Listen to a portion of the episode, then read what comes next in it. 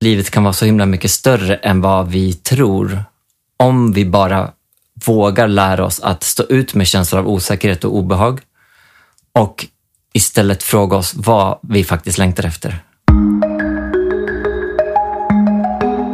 Du lyssnar på podcasten Perspektiv. Intentionen med de här samtalen är att skapa ett samhälle av välmående och stärkta individer. Mitt namn är Madeleine Mofjärd och jag är här för att lyfta nya perspektiv. I veckans avsnitt så möter jag psykologen, författaren och före detta musikern Per Setil som idag driver Brave Creative utifrån missionen att hjälpa dig att skapa en friare relation till din kreativitet. Utifrån det senaste inom modern psykologi och hjärnforskning så coachar Per individer till att bli mer bekväma med känslor av ovisshet för att kunna göra det som vi innerst inne drömmer om. Och Per har själv gått från en förlamande scenskräck till att som musiker har turnerat runt i bland annat Japan och släppt två framgångsrika album. Och utifrån det här så pratar vi idag bland annat om hur vi kan använda oss av just modern psykologi för att bli mer fria i vårt kreativa uttryck och hur vi kan bli mer bekväma med just känslor av osäkerhet och ovisshet i relation till vår kreativitet. Vi pratar också om hur vi kan hitta balansen mellan positivt kontra negativt förstärkt motivation och hur vi också kan lära oss att agera utifrån inspiration istället för rädsla. Mitt namn är Madeleine Mofjärd och du hittar mig enklast på Instagram under namnet Mofjärd utan ä. Och som vanligt så ser jag väldigt mycket fram emot att få höra vad det här samtalet väcker i dig. Dela jättegärna med dig av det här avsnittet på din story och tagga mig och berätta vilka reflektioner, idéer, tankar och kanske till och med triggers som växer dig när du lyssnar. Och som sagt, kom ihåg att tagga mig så kan vi tillsammans också fortsätta det här samtalet efter att du har lyssnat. Och Jag vill också passa på att tacka veckans sponsor Natural Cycles som hjälper oss att göra det här möjligt. Jag rekommenderar redan Natural Cycles till alla mina vänner som letar efter ett tryggt hormonfritt preventivmedel. Så därför så kändes det absolut självklart att välkomna dem som samarbetspartner till det här avsnittet. Och som lyssnare så ges du 20% på en årsprenumeration plus också en gratis termometer när du uppger koden perspektiv20 i kassan. Och är det så att du skulle vilja höra mer om hur vi kvinnor kan bli mer fria i våra kroppar genom att välja just ett hormonfritt preventivmedel som Natural Cycles så vill jag tipsa om avsnitt 99 där vi möter, eller jag möter, Elina Berglund som är grundare till just Natural Cycles. Innan jag bjuder in Per till samtalet så vill jag också verkligen tipsa om något egentligen helt annat. Ehm, du som har lyssnat på tidigare avsnitt av podden känner säkert till att flera av de nycklar och begrepp som jag och Peter delar med oss av i våra samtal när det kommer till kommunikation och relationer kommer ifrån kompetensen kommunikologi. Och om du är nyfiken på att lära dig mer om kommunikologi och utbilda dig vidare inom de här ämnena så vill jag verkligen tipsa om att Lena och Marita, som jag själv utbildar mig till kommunikolog hos, håller en modul 1 på mysiga Öjared utanför Göteborg mellan den 17 och 21 augusti.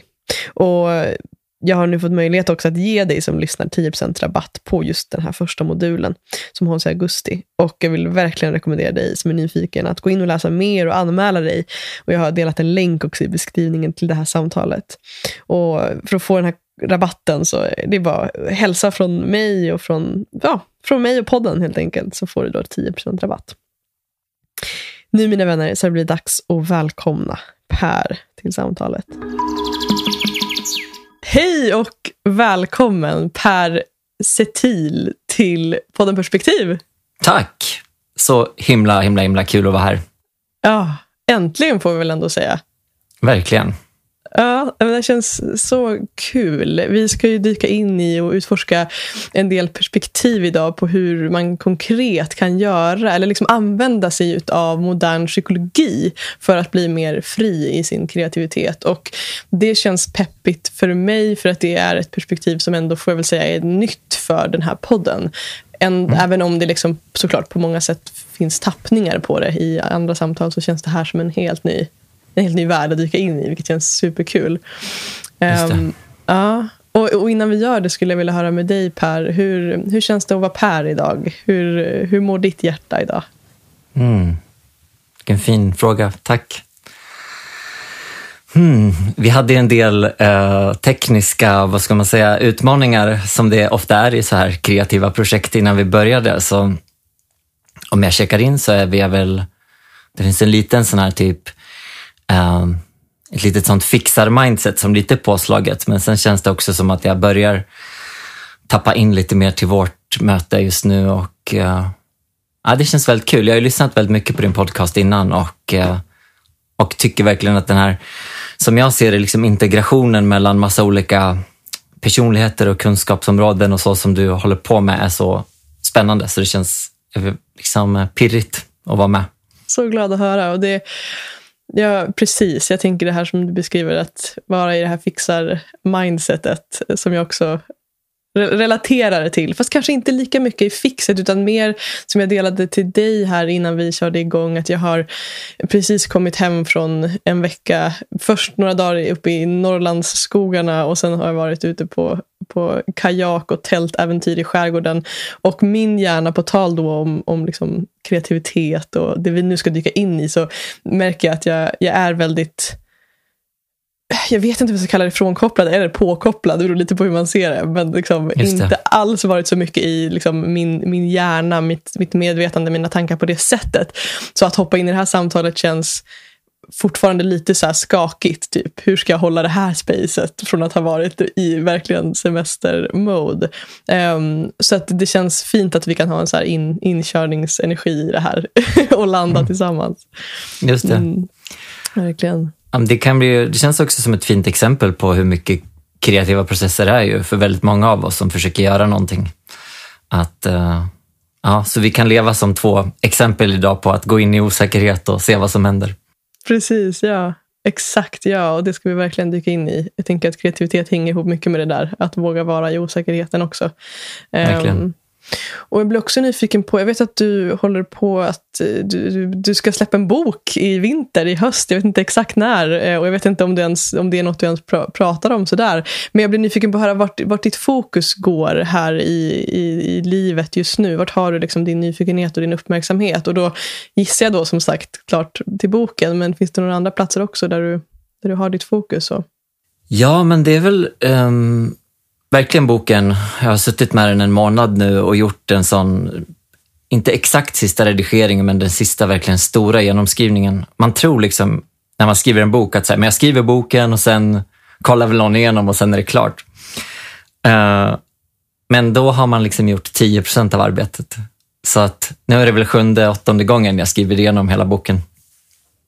Så imorgon ska min redaktör få den där boken och sen ska jag ha semester. Men väldigt mycket bokfokus just nu.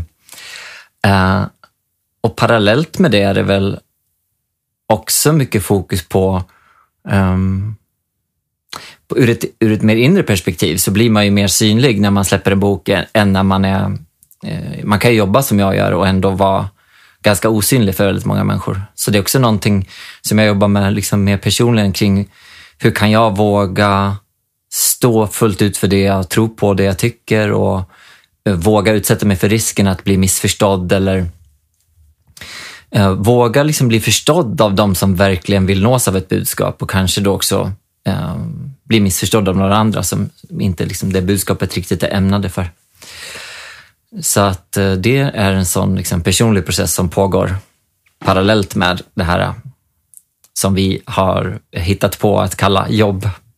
Ja, ja men fint. Jag tänker det är också så lätt att tänka bara att jag tänker det knyter an så mycket också till kreativitet. Att så här, ja, men nu släpper du en bok, nu gör du det här, bam, bam, bam, klart, nice, eh, där har vi den. Liksom. Men, men att mm. det också hänger ihop så mycket med det här inre, det som sker och så här, alla de processerna som det också väcker, som du beskriver, i dig att skriva den här boken. Um, och det tycker jag väl liksom känna igen som en röd tråd i många kreativa själar och människor. Att mycket av det också mycket av skapandet hänger ihop med någon slags vilja och längtan efter att också förstå sig själv mer, oavsett vad det är för typ av skapande. Um, så den är också in, intressant, liksom, det perspektivet på det. Men kan du inte berätta lite om boken? Vad kommer den heta? Vad handlar den om? Vad är liksom, hur uppstod boken? Mm, absolut. Um, den korta ramen innan jag berättar lite mer är väl att det är en bok med metoder från modern psykologi, hjärnforskning, meditation och eh, typ nästan lite så managementpsykologi med syfte att hjälpa kreativa personer att både må bättre medan de gör det de gör och samtidigt få mer gjort eller närma sig sina drömmar snabbare eller på ett mer kraftfullt och passionerat sätt. Um, och boken kommer från två saker egentligen. Dels att jag har läst jättemycket sådana böcker själv av olika konstnärer eller musiker eller filmskapare. Och de böckerna är väldigt så här äh, lite abstrakta och metaforiska. Liksom. Att kreativitet är som att vara en, um, vad heter det? en arkeolog eller kreativitet är som att försöka fånga älvor. Eller man beskriver väldigt lite konkret vad det är som faktiskt ställer till det för oss i kreativa processer och vad vi konkret kan göra åt det. Um, så det är liksom den ena biten. Um, sen framförallt så såg jag otroligt mycket liksom stress, oro, självskammande, lidande hos väldigt mycket kreativa människor som var runt mig under den tiden som jag jobbade eh, inom musik och kultur på olika sätt. Och sen också när jag har varit i mera eh, lite så starta företagsaktiga sammanhang så har de där sakerna återkommit. Kanske inte riktigt lika mycket, men fortfarande finns det där. Och efter att själv ha experimenterat supermycket med olika metoder och kommer själv från en bakgrund där jag tyckte att stå ut med osäkerhet var verkligen det, det värsta som... Alltså det var, det var helt, helt omöjligt för mig kan jag säga, när jag började eh, spela musik när jag var 12-13. Så att både ha egna erfarenheter av att ha sökt väldigt mycket och hittat mycket svar samtidigt som jag sett att det finns ett stort lidande har gjort att jag har liksom blivit väldigt motiverad att skriva och försöka förändra egentligen bilden av vad det innebär att skapa överhuvudtaget. Och vad, vad skulle du säga för dig? För jag tänker ordet kreativitet är ju intressant. För jag tror för mig betyder ju det någonting och för någon annan så kan det betyda något helt annat. Eh, och då tänker jag dels här, utifrån att lära känna dig mer också få förståelse för vad det betyder för dig, ordet kreativitet och också för att sätta någon slags ram för det här samtalet. Vad, vad menar vi när vi i det här samtalet pratar om kreativitet? Alltså vad betyder kreativitet för dig? Precis, jag, på, på något sätt har jag liksom alltid värjt mig lite grann från att definiera ordet kreativitet för mycket. Um, men för mig är det väldigt mycket en känsla. Jag tycker uh, jag tar mycket avstamp när jag jobbar med, med kreativa individer och organisationer i det som barn gör. Att man liksom, sätter man in ett barn i ett rum med pennor och färg och lite Eh, maracas att eh, eh, vad heter det? Leka runt med så kommer det hända saker. Därför att man har sin kreativa instinkt väldigt tillgängligt. Och sen lär vi oss en massa saker, upplever jag, för att ehm, som gör det svårare att agera på den där kreativa instinkten. Och så för mig handlar egentligen kreativitet om att bara ta bort så mycket som möjligt av de berättelser och omständigheter som begränsar oss, så att vi kan agera på den där känslan. Och det sen kommer såklart vara jätteolika för olika personer. Antingen handlar det om att lära sig spela ett instrument eller göra en Hollywoodfilm eller skriva poesi eller att starta ett företag eller göra um, en podcast eller ja, vad man vill. Men för mig handlar det mycket om att gå in i processer där man startar på en plats och målet är väldigt okänt. Och det går inte direkt heller att um, använda något konkret tidigare blueprint för att veta hur man ska ta sig framåt. Um, och kanske att det liksom är ändå drivet av flow och lust i det man gör. Ja, när, när, du, när du beskrev det så kom ordet lek, lekfullhet till mig. Att jag, jag själv lägger märke till att jag relaterar mycket till så här, de begreppen för mig går så mycket hand i, hand i hand. Att kreativitet och lek på något sätt. Tänker när du beskrev de här barnen, kasta in dem i ett rum med maracas och olika instrument så kommer det hända grejer. Liksom, att så här, någonstans det förhållningssättet har, har hjälpt mig väldigt mycket i att, ja, men att förstå att kreativiteten ja, så här, vad, vill det, vad vill födas genom mig? Liksom? Vad vill lekas i mig? liksom. Um, mm. Ja, och där tycker jag det är viktigt också att, att, att ha någon slags ganska individanpassad definition. För för mig är det också jättemycket så, typ surrender och lust som är de två huvudkomponenterna.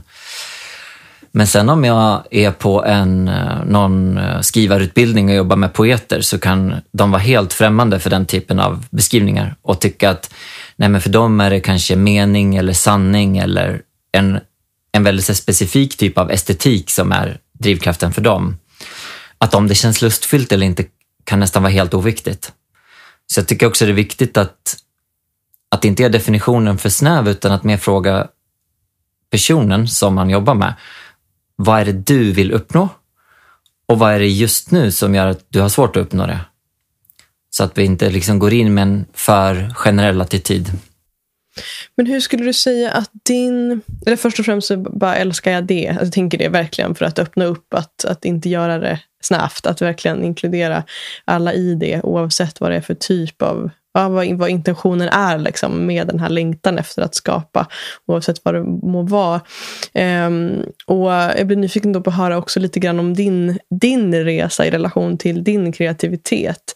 För du är också eh, dels nu författare, du är för detta musiker, du är psykolog eh, och har liksom flera olika liksom, ben så som du står på och som du eh, jobbar utifrån. så Eh, som du sa, saker som vi har hittat på, kalla det för jobb, eller vad vi nu vill kalla det. det. um, och då blir, blir, jag också nyfiken dels på liksom, den röda tråden när det kommer till just kreativiteten inom de här olika områdena för dig. Men också liksom, ja, men någonstans resan där i relation till kreativiteten för dig. Hur har, den, hur har det sett ut för dig? Ja, det börjar väl som för väldigt många andra, att man är liksom sju år gammal, hör en elgitarr på radion och bara säger vad fan är det där? Man, man fattar direkt att så, det här är det coolaste jag någonsin har varit med om. Um, och då var det liksom så här, James Hetfield och Axl Rose som var liksom de stora stjärnorna i Metallica och Guns N' Roses som var så här, de stora banden då på typ sent 80-tal, tidigt 90-tal. Så då var det bara någon sån eh, så här maxad barnkänsla av att det finns något annat än att typ sitta i skolbänken som verkar sjukt mycket roligare. Det här måste jag göra. Uh, och det var liksom, det var jättemycket lust, men det fanns redan då ganska mycket ego i det också. Att det var liksom, det var, jag kan se liksom att 70-80 procent av det jag upplevde var väldigt sant och en annan del var jättemycket ett ganska osäkert barn som tänkte liksom att om jag lär mig spela det här solot jättebra så kommer alla tycka att jag är fantastisk med någon slags undertext att de tycker inte att jag är fantastisk nu.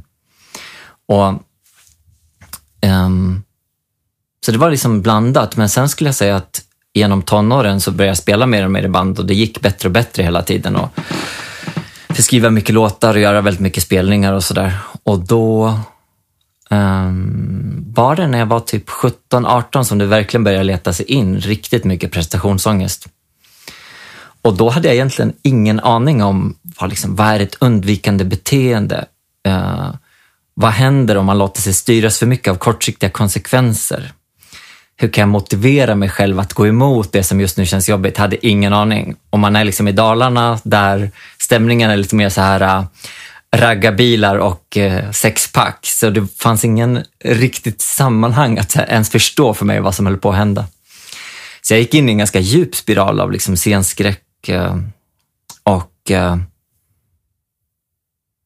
jag för mig till och med att jag, att jag gick en retorikkurs där jag så här, med nöd och näppe fick godkänt för att jag typ gick in till läraren och förklarade att jag hade för mycket scenskräck för att ens prata inför klassen. Um, så det började där i någon slags... Uh, det var där själva sökandet efter något nytt började. Och sen gick jag i en i efterhand inte superbra, men dock KBT-behandling där terapeuten etablerade ett väldigt enkelt antagande som var bara att gör tvärtom. Om det känns som att du bara vill gå hem och sova eller eh, skita i allt och eh, skämmas under täcket, ställ dig på scenen och eh, sjung och bara stå kvar och se vad som händer. Och eh, när man har ganska svår scenskräck så är det där på riktigt det absolut värsta man kan föreställa sig.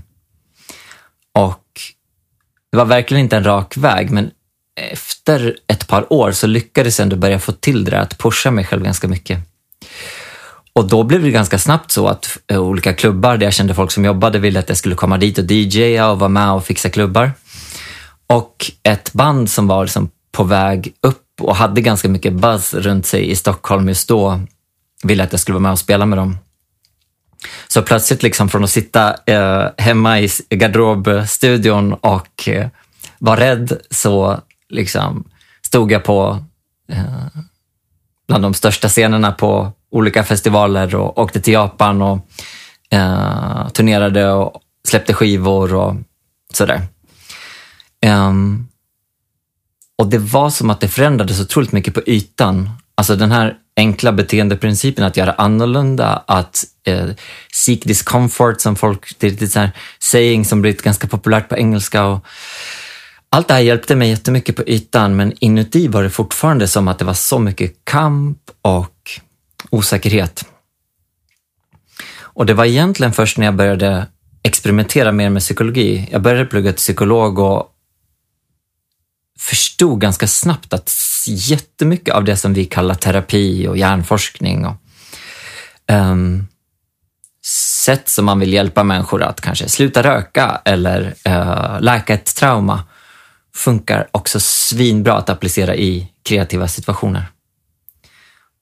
Uh, och eftersom jag älskar att experimentera och ta saker från olika fält och koka ihop det så började jag använda det där väldigt mycket själv och fick jätte, jättestor effekt ganska snabbt. Och kunde gå från det här att, att göra tvärtom men i ständig kamp till att verkligen börja älska att skriva låtar eller som det blev då mer att skriva dikter och sen skriva böcker. Um, så det var en lång, lång resa från liksom, total blockering egentligen till att det känns väldigt, väldigt lätt att skapa. Uh, och där kan man vara olika sen, för när man har en sån... Vissa tycker liksom, ah, men då har jag löst mitt problem, bra, då går jag bara vidare i livet. Men jag blir så här, shit, det här gick. Och så tittar man tillbaks på alla sina konstnärskompisar som sitter där fortfarande och livrädda halva tiden och börjar tänka liksom, wow, det måste, den här vägen finns, jag måste berätta det för dem. Så det blev liksom min passion sen, att försöka förändra berättelsen om vad skapande överhuvudtaget är och visa att det finns så många andra sätt att gå från dröm till verklighet än den här kampen med motståndet och um, ja, det här ständiga pushandet som väldigt många människor lever i. Oh, det är så, så intressant att lyssna på. Och just det här, jag fastnar verkligen med det du beskriver om det här, de här två liksom energierna som någonstans finns. Det ena det här att vi ska pusha oss mot, vi ska liksom hustle your way liksom, till det du vill och så vidare. Eh, som, som också, så här, jag kommer mycket ifrån utifrån, alltså i början av min resa när jag dök in i personlig utvecklingsvärlden liksom, med ren nyfikenhet och stötte på de liksom, främsta ledarna inom, inom personlig utveckling. Och många av dem var också män och extremt maskulina. Där den här energin verkligen var Ja, men den, det var liksom det man skulle gå på. Att så här, det måste vara tufft, det måste vara hårt, du ska utmana dig och så vidare. Um, till att nu ha hittat no någonting helt annat som också är, går mer i linje med det du beskriver. av att så här, men Tänk om vi kan följa det som känns lustfyllt här istället. Vad kan födas då? Så att jag kan jag, jag, jag liksom verkligen resonera med det du beskriver i det och blir också då nyfiken på ditt perspektiv på det. Alltså vad tror du att den där energin kommer ifrån? Den här tron om att saker och ting måste vara tuffa, svåra, hårda, utmanande och så vidare för att de typ ska vara relevanta, för att de ska betyda någonting. Um, hänger du med på vad jag menar i den frågan? För jag tänker att det här är något som följer med oss inte bara i kreativiteten utan i hela våra, liksom, oavsett vad du jobbar med, vad du gör, så, så finns den här energin lite där tror jag, i vårt samhälle. Liksom.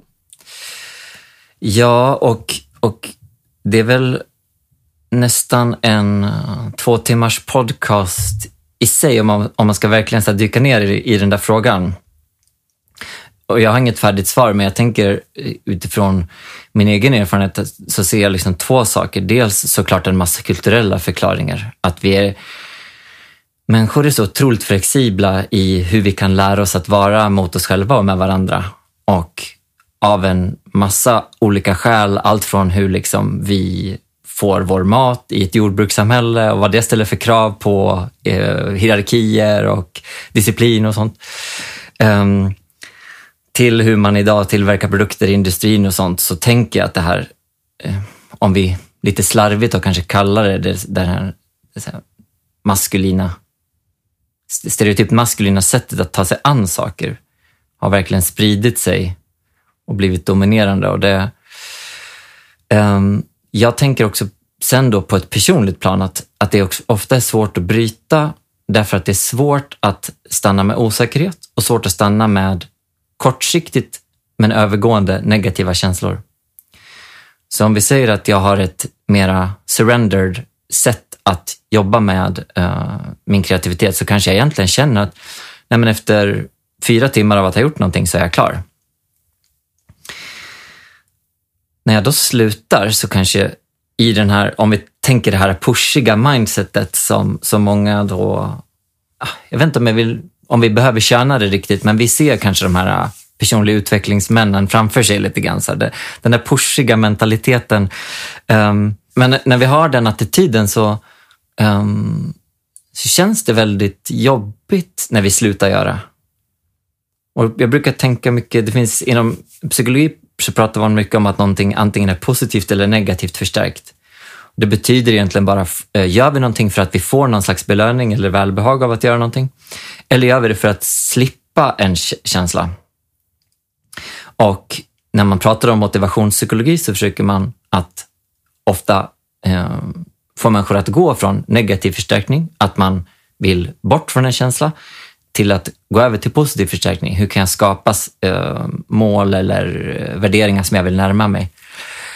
Och här tänker jag att det 100 procent är så att vi försöker undvika en känsla. Vi slutar jobba för, ti för tidigt enligt den här pushiga normen jobbiga känslor kommer in, tankar om att jag inte kommer hinna, ingen kommer gilla det jag gör. Och för att undvika den känslan så bestämmer vi, nej men jag kör tio timmar till. Um, så det har jag tänkt på jättemycket i mitt eget liv. Det här är inget jag jobbar jättemycket med med, med uh, klienter eller grupper, men i mitt eget liv har det varit så mycket liksom att, att kunna se att jag är klar.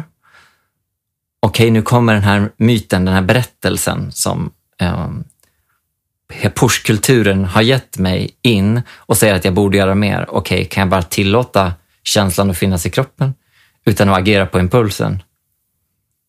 För att efterhand lära mig att det händer inget katastrofalt om jag vågar lita på att den här eh, presentationen är klar nu. Jag vet inte om det är exakt vad, eh, vad det jag sa relaterat till din fråga. Jo, men verkligen. Och jag Ja, alltså, som du säger, det här är ju liksom flera timmars samtal skulle det kunna vara. Och det är så mycket lager och aspekter till det, tänker jag. Och jag lägger märke till också vad som dyker upp i mig när du delar det. Alltså, för det blir också, det, igen, alltså, det känns som att allt egentligen nu, för du använder ordet, eller begreppet positivt negativt. Vi skulle kunna använda ordet rädsla eh, kontra kärlek. Alltså det finns massa olika liksom, begrepp att använda i det här. Um, och att eh, något som dök upp var också den här känslan av att så här, när vet vi när det är inspiration? Alltså, för, det kan, för jag kan jag kan så relatera till det du beskriver. Av att så här, okej, okay, jag sitter med det här projektet nu och det tog mig två timmar. Sen var jag klar. Liksom. Um, och att, att så här, där kan jag se att i vissa perioder eller vissa situationer så, så kan jag då gå in i, precis som det du beskriver, den här känslan av att så här, nej, den här gamla programmeringen, liksom, den conditioning, liksom, eh, pushar mig till att nu måste jag fortsätta. Men likaväl så finns det också situationer då jag verkligen är i inspiration och det är liksom ett öppet flöde och så hela mitt system bara vill fortsätta skapa eller göra något. Eller liksom. Och den kan jag också tycka är intressant att också liksom tillåta sig själv, på tal om att följa flow, som vi var inne på tidigare, att också då att lära sig det här, att känna in vad är, vad är liksom vad, vad, är det som är rädslostyrt i mig kontra kärleksstyrt, eller om vi vill använda det begreppet. Eller vad är, vad är det som är inspiration kontra att jag försöker fly från någonting och så vidare. Eh, så det var mer en sån tanke som dök upp i mig när du delade det också. Att det finns så mycket liksom, lager och aspekter till det. Eh, och att det krävs en sån verkligen så här in, intoning på sig själv för att verkligen så här, okej, okay, vad är vad här? Och verkligen observera sig själv i de beteendena tror jag. 100 procent. Så himla inspirerande att lyssna på när du liksom utforskar det här. Jag, uh, och jag tycker att det är, det är någon ständig det är någon ständig och ganska ojämn, liksom ett ständigt och ojämnt närmande mot det här idealet egentligen, att, att vara sann i det där och veta när man är i undvikande eller när, när man är i onödigt push och när man, när, man, när man bara är lat helt enkelt, vilket ju också såklart händer. Uh, och där kan jag säga att jag tycker att jag är otroligt mycket bättre än för tio år sedan nu, men, men uh, men man är också en vanemänniska, så det är liksom, ja, jag, jag brukar också inte försöka vara för fäst vid enskilda val. Var jag nu för pushig? Utan mer titta, hur har det känts senaste månaden? Verkar liksom den sammanlagda effekten av alla de här avstämningarna leda mig mot att eh, vara mer inspirerad och mer engagerad eller tvärtom? Eh, för jag vet inte om, om du har hittat något smart sätt, men jag tycker i stunden är det nästan... Kroppen är en väldigt fin barometer för att ändå stämma av. Man kan ju direkt känna om man går in i något som är väldigt onödigt pushigt eller onödigt undvikande, men när man närmar sig det här finliret så uh, ja, tycker jag man ganska ofta kan drivas av omedvetna grejer som gör det lite oklart. Precis, vad är vad? Ja. Ja, men, och något som jag jobbar mycket med, jag gillar det du beskriver om att här, stämma av kanske utifrån en månadsbasis. Eller lite mer, liksom, ja, en månad kan ju för många människor vara kortsiktigt men det är också ändå mer långsiktigt än om vi tittar i en, en given stund. så. Eh, och något jag har fokuserat mycket på är också vilka tillstånd jag vill vara i. Alltså om jag då eh, till exempel checkar in med mig själv en gång i månaden. Att, så här, vilka tillstånd vill jag känna och vilka tillstånd har jag känt under den här senaste perioden till exempel.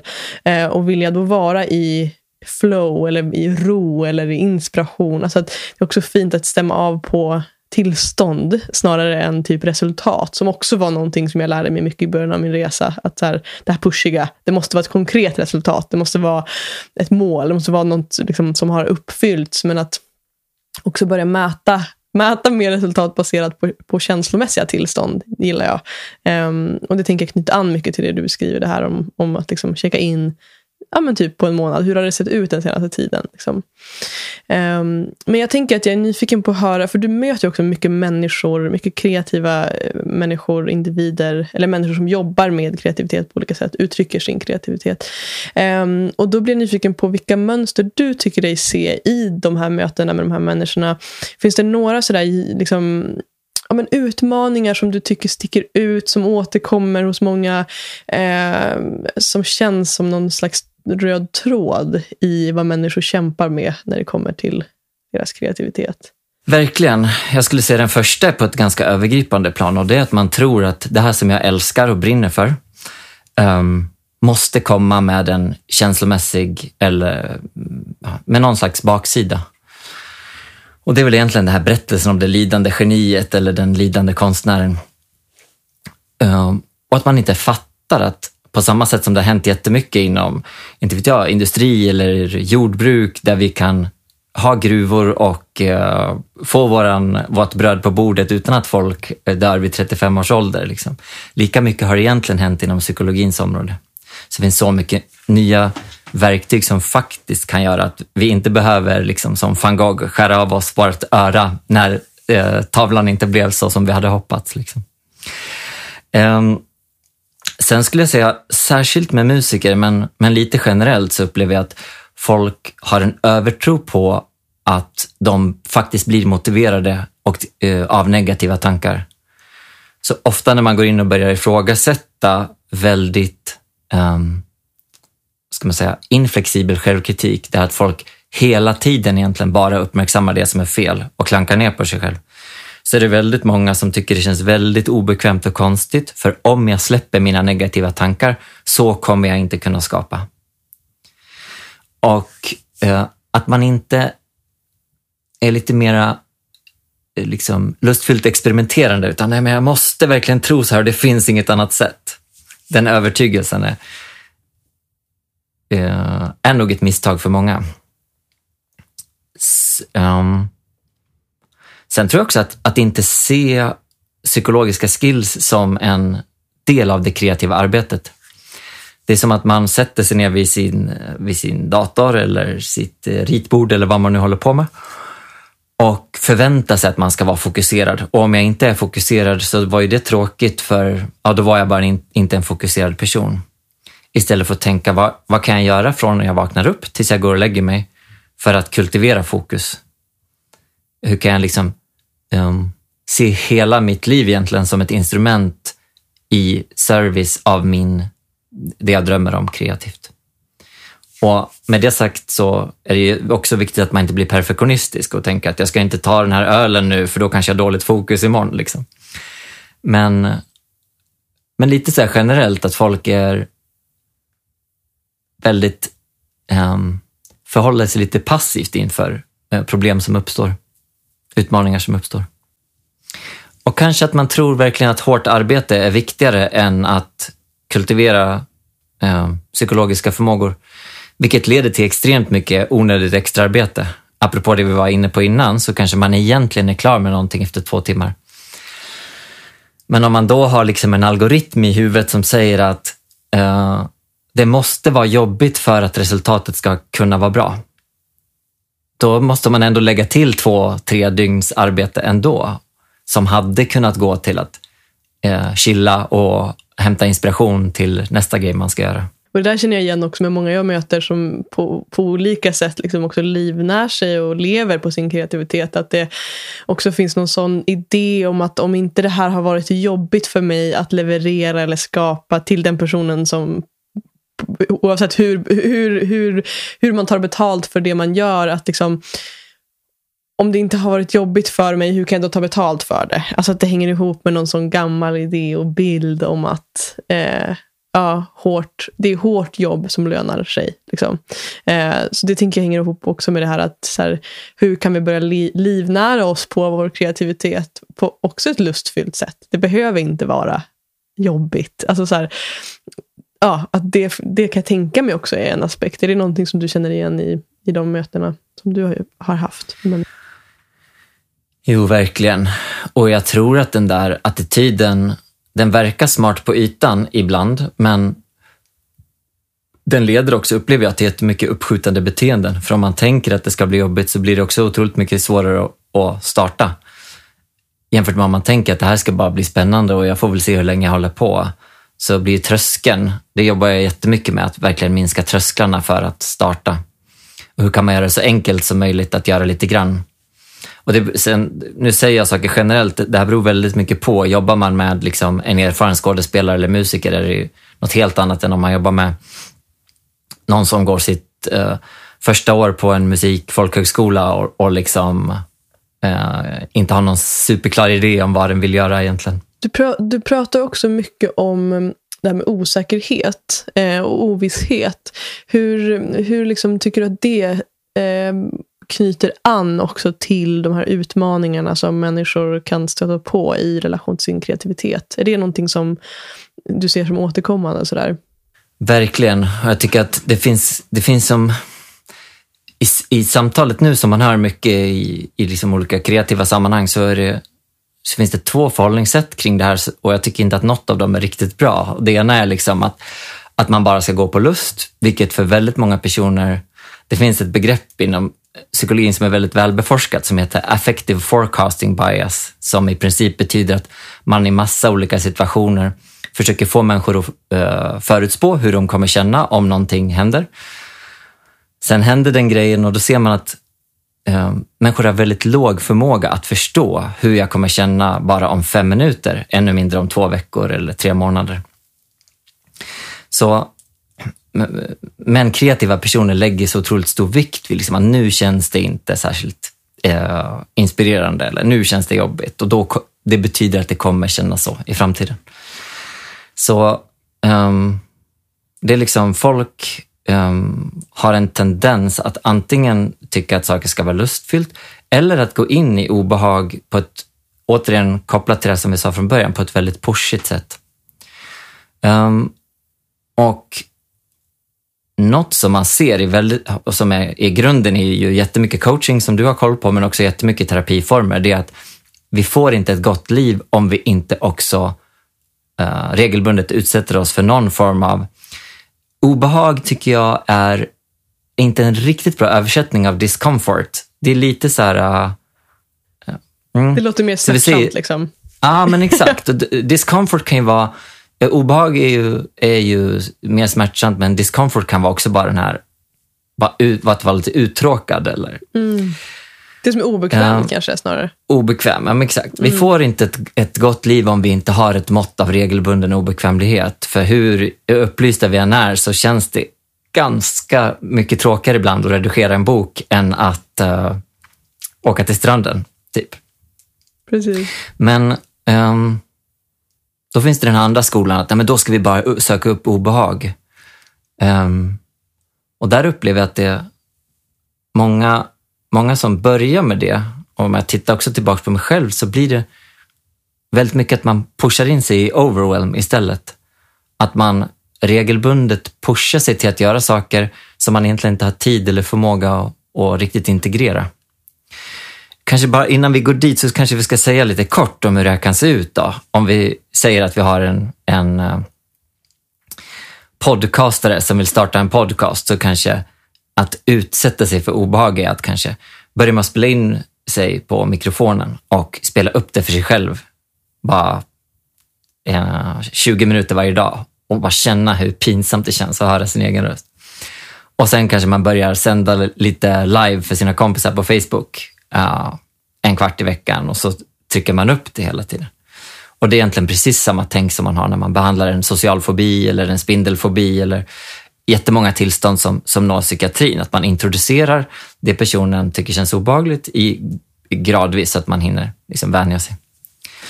Um, men Problemet ofta med det är att man, om man inte tar tag i massa underliggande antaganden om sig själv och världen och, och det man håller på med, så kan man verkligen hamna i den här ständiga kampkänslan, att man söker upp obehag men på ett sätt som där det aldrig riktigt går över och där livet aldrig riktigt blir härligt eller juicy eller det man riktigt längtar efter.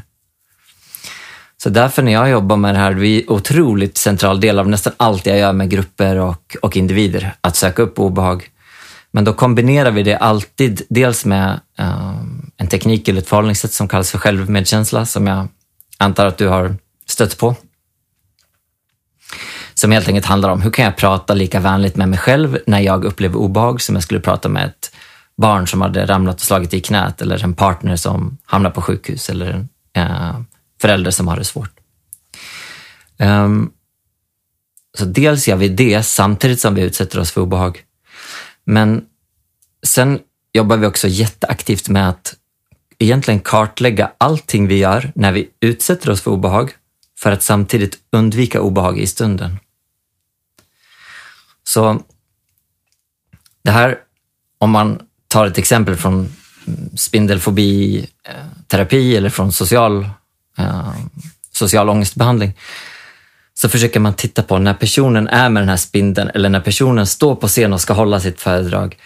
Gör det någonting med kroppen då? Nu ser ni inte det som lyssnar, men jag liksom drar upp axlarna lite och kanske får lite ytligare andning eller ögonen blir lite spända. Gör jag saker i kroppen för att undvika obehag i stunden? Fipplar jag med fingrarna för att distrahera mig själv från att det känns eh, obehagligt i kroppen? Eller om jag är i i terapirummet med en spindel. Tittar jag stint på spindeln för att ha kontroll över vart den är någonstans? Eller håller jag hårt eh, händerna i bordet där spindeln är för att få någon falsk känsla av säkerhet? Och Det här kan man titta på när man utsätter sig själv för obehag.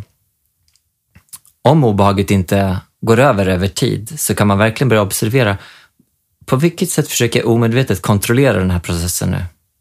Försöker jag tänka positivt. Det kommer gå bra, det kommer gå bra, det kommer gå bra. Eh, eller förbereder jag mig super, super noga varje gång, lika mycket för hundrade gången som första gången. Eh, kan ju, eh, den här listan på det man inom terapi då brukar kalla för säkerhetsbeteenden. Allt som jag gör för att undvika obehag när jag är i obehagliga situationer. Uh, den kan göras väldigt lång, men för mig, för att verkligen använda obehag på rätt sätt, så var det helt avgörande att också börja kartlägga allt det här och sen ta bort de grejerna. För när man då plötsligt blir närvarande i situationen utan att fippla med fingrarna och utan att förbereda sig superperfektionistiskt och uh, utan att egentligen ha kontroll.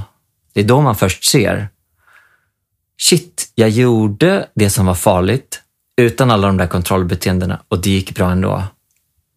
Och då ger man det omedvetna verkligen chansen att fatta att det jag hade projicerat som fara var egentligen bara helt neutralt eller väldigt tryggt och kärleksfullt. Jag tänker det där hänger ihop så mycket också med tillit. Alltså att begreppet tillit också behöver eller kan jag tänka, i alla fall i min egen resa, att när jag, när jag också kom i kontakt med liksom känslan av, av, av tilliten inom mig så blev också jag tänker det här som du beskriver också knyter an mycket till kontroll. Alltså behovet av att vara i kontroll hela tiden. Att veta hur kommer det här, what's liksom, what's, um, säger man, vad är, eh, vad är liksom the outcome, vad kommer ske, vad är resultatet och så vidare. Att, uh, att när jag kommer i kontakt med tilliten, vilket för mig också har varit mycket liksom en spirituell resa, uh, vilket också är, är något jag är nyfiken på att höra med dig, hur, hur det har sett ut för dig. Men där lägger jag märke till att när, när den känslan av att så här, ja, men insikten om att jag är trygg, jag är precis det jag ska vara, det som ska komma ut genom min mun här och nu, det kommer komma ut. Alltså, allt är precis så som det ska och jag kan inte liksom göra något som förstör det. Eh, liksom. eh, den tilliten har, har också verkligen hjälpt mig att vara och bli mer fri i min kreativitet. Är det någonting du kan känna igen dig i? Och jag vet inte vad som knyter an eller resonerar mest med dig, om det är liksom en, en spirituell kontakt med kreativiteten eller om det är tillit eller vad, vad växer i dig liksom när du hör mig provprata om det här? Nej, jag bara resonerar till hundra procent, verkligen. Um, sen, sen känns det kanske viktigt, beroende på vem som lyssnar, att ordet spirituell har ett, en så här lite... Ibland känner jag att jag relaterar till det så mycket. Ibland känner jag att det här med att det ändå, precis som ordet andlighet, har den här ande aspekten som i min, i min värld är det något jag liksom inte har så här uh, vä väsen i någon uh, uh, väsen som går bredvid oss och sånt är inte något jag känner särskilt mycket i, i min vardag. Liksom. Men om man tänker på andlighet mer som det man upplever på liksom meditationsretreats eller i sådana sammanhang så nej men det, är, det för mig har det varit helt, helt fundamentalt. för att apropå det här med vad gör vi för att kontrollera, så är egentligen de, språk, de ord vi använder bara med oss själva när vi, vi tror att det är tyst, men vi pratar hela tiden med oss själva. Och det finns ju, i alla fall i mitt liv och jag vet för väldigt många andra, så mycket kontroll i de där orden som vi håller på med uppe i huvudet. Och någonstans när man mediterar väldigt länge så är det ju att man, min upplevelse, man kan ha massa olika förklaringsmodeller, men min upplevelse är att man, man tar bort allt det där och det som finns kvar är bara den där råa känslan. Och då är det ju liksom existentiell jävla megasmärta ibland. Att det känns som att man faller helt handlöst genom universum utan någon som någonsin kommer ta emot den. Och det som är fint då om man liksom mediterar åtta timmar per dag och bara sitter kvar är att man kan inte göra något åt den känslan heller. Och när man på något sätt ger upp alla de där kontrollförsöken, då kan det ju bli otroligt fina upplevelser att just det, jag har en kropp som faktiskt håller mig. Eller, gud, jag kanske på riktigt inte behöver tänka en enda tanke om framtiden. Den delen av en som vill ha kontroll blir helt liksom, förbluffad och eh, ställd när man tänker så. Men det, det har varit så otroligt avgörande att, att få sådana riktigt djupa, vad ska man säga, exponeringar för den här grundläggande eh, kontrollförlusten som det bara innebär att vara en eh, säck med vatten och lite muskler som går runt Precis. på något sandkorn i universum. Exakt, ja. Ja, precis. Och det där tänker jag är en resa i det här med kontroll. Att det, det är så starkt också förknippat med sättet som, som många människor lever sina liv på. Vi är också lärda liksom, att kontroll är viktigt. För att om vi förlorar kontrollen, så vem är vi då? Liksom? Eller vilka är vi då? Så jag tänker att den där är, sitter också så djupt i många människor. Eh, inte i alla, men också så här, det finns, det är något kollektivt i det där också. Liksom, eh, som vi har blivit lärda.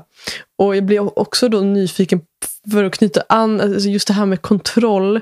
Så tänker jag att eller så en resa jag har gjort i min kreativitet de senaste åren har handlat mycket om just det här att hitta liksom ett, och nu resonerar jag med ordet lustfyllt så att jag använder det då för att beskriva liksom det här att följa det lustfyllda i mitt skapande och att det resulterar också i ett förhållningssätt där jag följer det som känns flowigt i liksom, i skapandet. Så.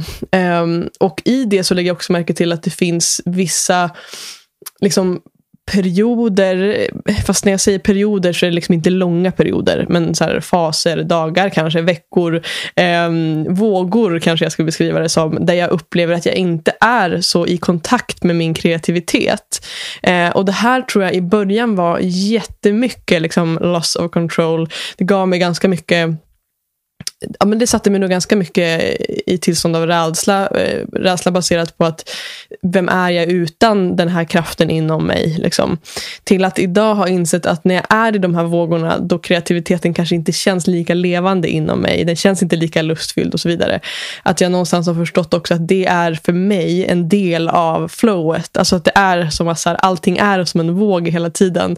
Och att när jag är kanske som man då kan beskriva som på botten av vågen, utan att det är jättedramatiskt. Mer så här, ja men jag är inte i kontakt med min kreativitet på samma sätt som jag kanske är van vid. Det känns inte lika flowigt. Så har jag någonstans hittat ett förhållningssätt till att det också i allra högsta grad är en del av flowet, även om det inte känns så i stunden.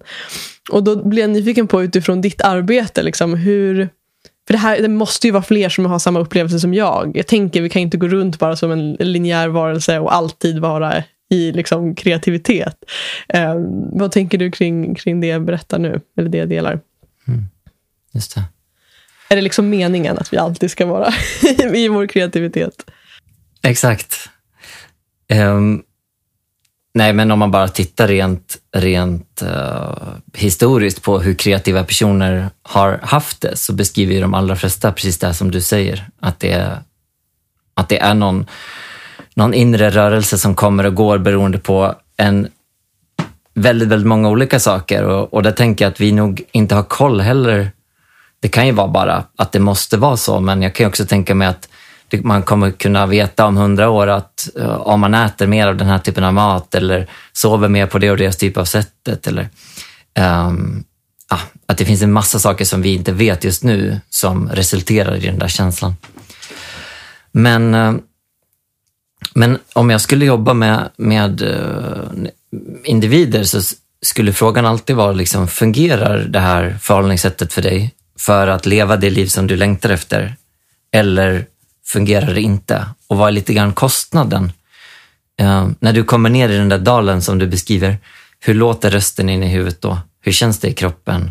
Vad händer med din förmåga att vara kreativ på några timmars eller några dagars sikt? Um, så att vissa individer... fråga. Mm. Ja, men för jag tänker att vissa kommer inte ha så högt pris av att gå ner i den där dalen. Men för andra kommer det vara det som blir till en lång, lång um, negativ spiral av prokrastinering och, och självskammande och sånt där. Och då kanske man behöver vara mycket, mycket mer rutinstyrd. Att jag struntar egentligen i med att ha inspiration. Jag jobbar bara eh, vid exakt de här tiderna ett antal gånger i veckan precis oavsett hur det känns eller, ehm, eller inte. Och lite också tycker jag det här som du är inne på, jag tror man, man du var inne på det innan, att hur vet man om jag är liksom i undvikande slash lathet eller någon, eh, något surrender till att saker behöver komma i den takt som de gör. Och där tycker jag också att man kan liksom periodisera lite grann för sig själv. Att, där nu pratar jag bara om min egen erfarenhet, men om, om jag till exempel har att nej men, tre månader så jobbar jag superstrikt då är jag liksom inne i ett mönster av görande. Så det jag sen kan tillåta mig att känna in, för jag vet att jag kommer fortsätta göra. Men om jag gör det för länge så kan i alla fall jag absolut hamna i att ah, det känns inte så bra just nu. Men svin ofta när jag skriver bok till exempel så känns det, det känns ju inte inspirerande nio av tio gånger när jag börjar. Men sen efter fem minuter eller två timmar, nästan varje gång, så är inspirationen på absolut topp. Så det handlar också om att vara ödmjuk igen för att hur jag känner nu inte nödvändigtvis säger så mycket om hur jag kommer känna alldeles strax. Och att jag inte har särskilt mycket insyn egentligen i hur mina känslor förändras.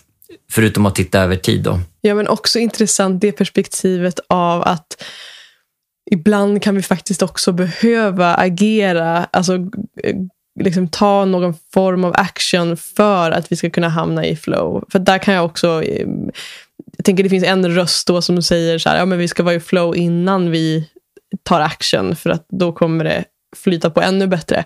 Men att också det går att vända på det där också, precis som du nu gör. Att ibland kan vi faktiskt till och med behöva dyka in i saker och ta tag i saker för att flowet ska hamna där. Så att vi kan inte heller kanske alltid vara passiva eh, på det sättet. Om man nu väljer att se det som passivt, men ja, för att beskriva det. Nej men precis, där tycker jag att när man inom en terapiform som kallas för acceptance and commitment therapy som jag, liksom inspirerar mycket av det jobb som jag gör med kreativa så pratar man mycket om psykologisk flexibilitet. Och egentligen betyder det bara att kunna, beroende på vilken situation jag är och vilka värderingar och mål jag har, kunna skifta strategi på ett sätt som är anpassat till ja, situationen och mina mål. Och där kan jag tycka, apropå det här med push, pushkultur, att men kan jag slå på min push i fem minuter varje dag och sen slå över i ett mera surrendered eller avslappnat eller lekfullt tillstånd. För i alla fall för mig så är jag ganska, jag skulle inte säga att jag är lat, för resultatet av mitt liv sin, verkar det inte som att jag har varit lat, men jag har en väldigt stark känsla av att det skönaste som finns egentligen är nog bara att ligga i sängen hela dagen. Men då vet jag att här, men, om jag bara går upp i fem minuter så blir det så jävla mycket roligare. Och att kunna ha den skiftningen Det blir också lyxigare att komma tillbaka till sängen sen. Eh, det När man har varit ja. ifrån ett tag. Exakt. Ja. Visst. Jo, den där känslan när man uh, var liksom så här ung musiker och, och, tyckte om att vara i Berlin och sova till tre på eftermiddagen och sånt där var ju exotisk på ett sätt. Men, men jag kan inte säga att jag mådde särskilt bra medan jag höll på så. Nej. Nej, precis. I stunden kanske det är skönt, men långsiktigt, vad händer då? Jag gillade också din, din poäng som du gjorde eh, utifrån det här att också ställa sig själv frågan, funkar det här eller funkar det inte? Alltså hur, eller hur funkar det för mig? Eh, och som i mitt fall då till exempel för att knyta an och ta det tillbaka till det här med de här vågorna som jag kan uppleva i mitt skapande. Att när du ställde den frågan så gick det verkligen upp för mig att så här, wow, ja men det funkar jättebra för mig. Jag har ju verkligen hittat ett, ett flow som för mig innebär att jag på lång sikt, eh, om jag ser liksom till ett, ett helhetsperspektiv, gör att jag verkligen levererar de resultaten som jag vill och som jag är efter. Liksom. Eh, så den frågan tänker jag, oavsett vad det är vi pratar om, att den frågan är fin att bära med oss. Eh, att liksom, eh, och, börja lyssna mer inåt. Vad är det som funkar för mig och vad funkar inte? Kontra att bara lyssna på olika förebilder, mentorer, personer, liksom inspiratörer som säger åt oss det här är rätt sätt att leva på, det här är rätt sätt att liksom agera på. Att det handlar så mycket om där att lyssna in och, och känna in vad funkar. Liksom eh, i mitt liv och utifrån det jag vill. Um, jag tänker att eh, jag ser att tiden springer iväg här för oss och det känns som att vi har pratat Ja, tiden har gått väldigt, väldigt snabbt i alla fall. det har varit väldigt mm, Verkligen. Uh, ja, och jag skulle vilja, för de som vill ja, men, dyka vidare i de här frågorna och utforska ännu mer. Hur, har du några liksom, boktips på det här temat? Kanske böcker som har förändrat ditt förhållningssätt till just kreativitet på olika sätt som du skulle kunna dela med dig utav? Hmm. Det är lite kul för anledningen till att jag skrev den här boken var att jag tycker alla böcker jag läst om kreativitet har varit liksom, de har väl varit okej, okay, liksom, men de har inte, de gav mig aldrig det jag behövde. Um, så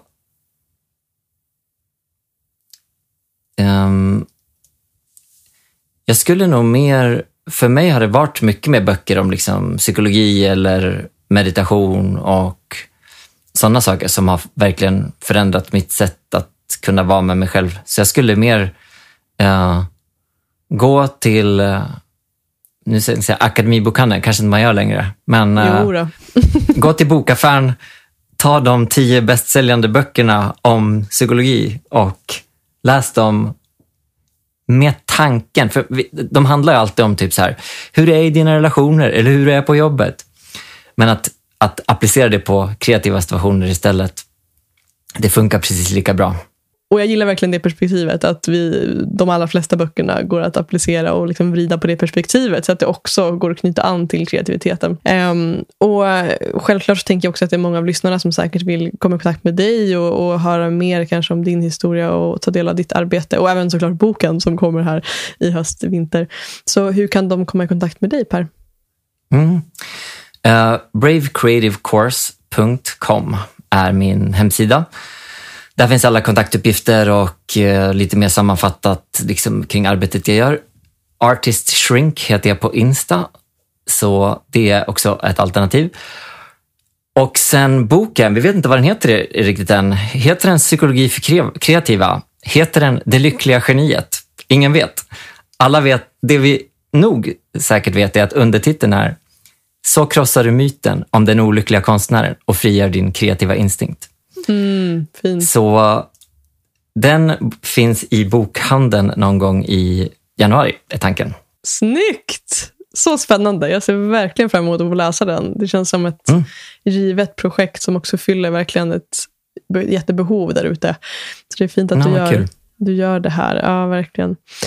Och Per, om du fick möjlighet att nå hela världen i 30 sekunder, vad skulle du då vilja förmedla till dem? Wow. uh, gud, jag har haft så många sådana tankar om, om vad som borde stå på du vet, en, en stor, uh, uh, sten, ett stort stenblock ja. i varje stad. Men 30 sekunder. Men jag tror för både kreativa men också människor generellt att, att jag skulle vilja förmedla att livet kan vara så himla mycket större än vad vi tror. Om vi bara vågar lära oss att stå ut med känslor av osäkerhet och obehag och istället fråga oss vad vi faktiskt längtar efter. Att verkligen liksom gå mot den här skolningen vi har, att så här borde man göra och fråga oss vad är det jag och min personlighet verkligen brinner för.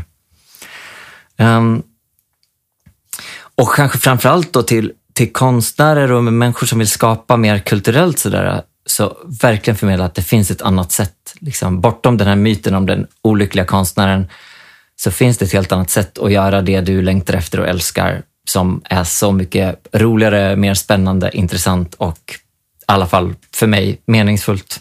Mm, fint, vackert. Ja, och förhoppningsvis så har lyssnarna också fått en liksom, glimpse av det i det här samtalet utifrån mm. det, det som du har delat. Är det någonting du känner så här, det här skulle jag vilja att du frågar mig nu eller det här vill jag lyfta, det här har vi inte tagit med. Liksom. Är det någonting du känner att det här är viktigt nu? Inte sådär spontant. Jag tänker att det finns otroligt, jag vet inte, jag kanske vill förmedla till lyssnaren att nu har vi pratat, vi har liksom dykt ner på några specifika ställen. Men jag skulle vilja förmedla att när man väl går in i det här jobbet så är liksom verktygslådan otroligt stor. Så nu har vi pratat lite grann om att eh, exponera sig för obehag, om att eh, prata vänligt med sig själv, flexibilitet och kunna skifta mellan liksom push och surrender. Men det finns så många andra spännande grejer. Eh, modern psykologi och meditation och hjärnforskning är liksom en uh, oändlig hink av spännande grejer. Så uh, om det vi har pratat om nu inte liksom resonerar med de utmaningar som du har så vill jag verkligen förmedla att det finns så många andra sätt att uh, gripa an problem eller också att bara skapa motivation som, som är otroligt kraftfulla i min erfarenhet. Ja, Tusen tack Per för den här timmen. Det har varit så inspirerande och ja, men jätte, jättefint och värdefullt att få ta del av dina, din, din klokskap. Och Jag ser verkligen också fram emot att få höra från lyssnarna hur det här landar hos dem. Ehm, så tusen tack för den här timmen. Mm, tack, det var så mm. spännande och, och eh, kul att få träffa dig så här. Mm, så och träffa dina lyssnare på ja. lite sikt vill också igen passa på att tacka veckans sponsor Natural Cycles som ger dig som lyssnar 20% på en årsprenumeration och en gratis termometer när du uppger koden perspektiv 20. Och är det så att du vill höra mer om hur vi kvinnor kan bli ännu mer fria i våra kroppar genom att välja ett hormonfritt preventivmedel så vill jag också verkligen tipsa om avsnitt 99 där jag möter Lina Berglund som är grundare av Natural Cycles. Så in och lyssna och in och fixa din årsprenumeration och uppge koden perspektiv 20.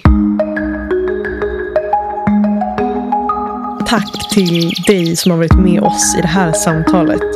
Jag ser fram emot att få möta dig som lyssnar och ta del av hur det här samtalet landar i dig. Vilka tankar, insikter och kanske till och med triggers växer dig. Det skulle betyda allt om du delade med dig till mig på sociala medier. Skriv till mig eller posta på din story och tagga mig så låter vi det här samtalet leva vidare. Du hittar mig på Instagram under namnet Mofjärd utan Äh, och på Facebook vill jag också välkomna dig till den slutna gruppen Mofjärd Community där vi möts för att prata vidare och lära oss av varandra och, och varandras perspektiv. Du hittar länken i beskrivningen till det här samtalet. Tack igen för att du är här.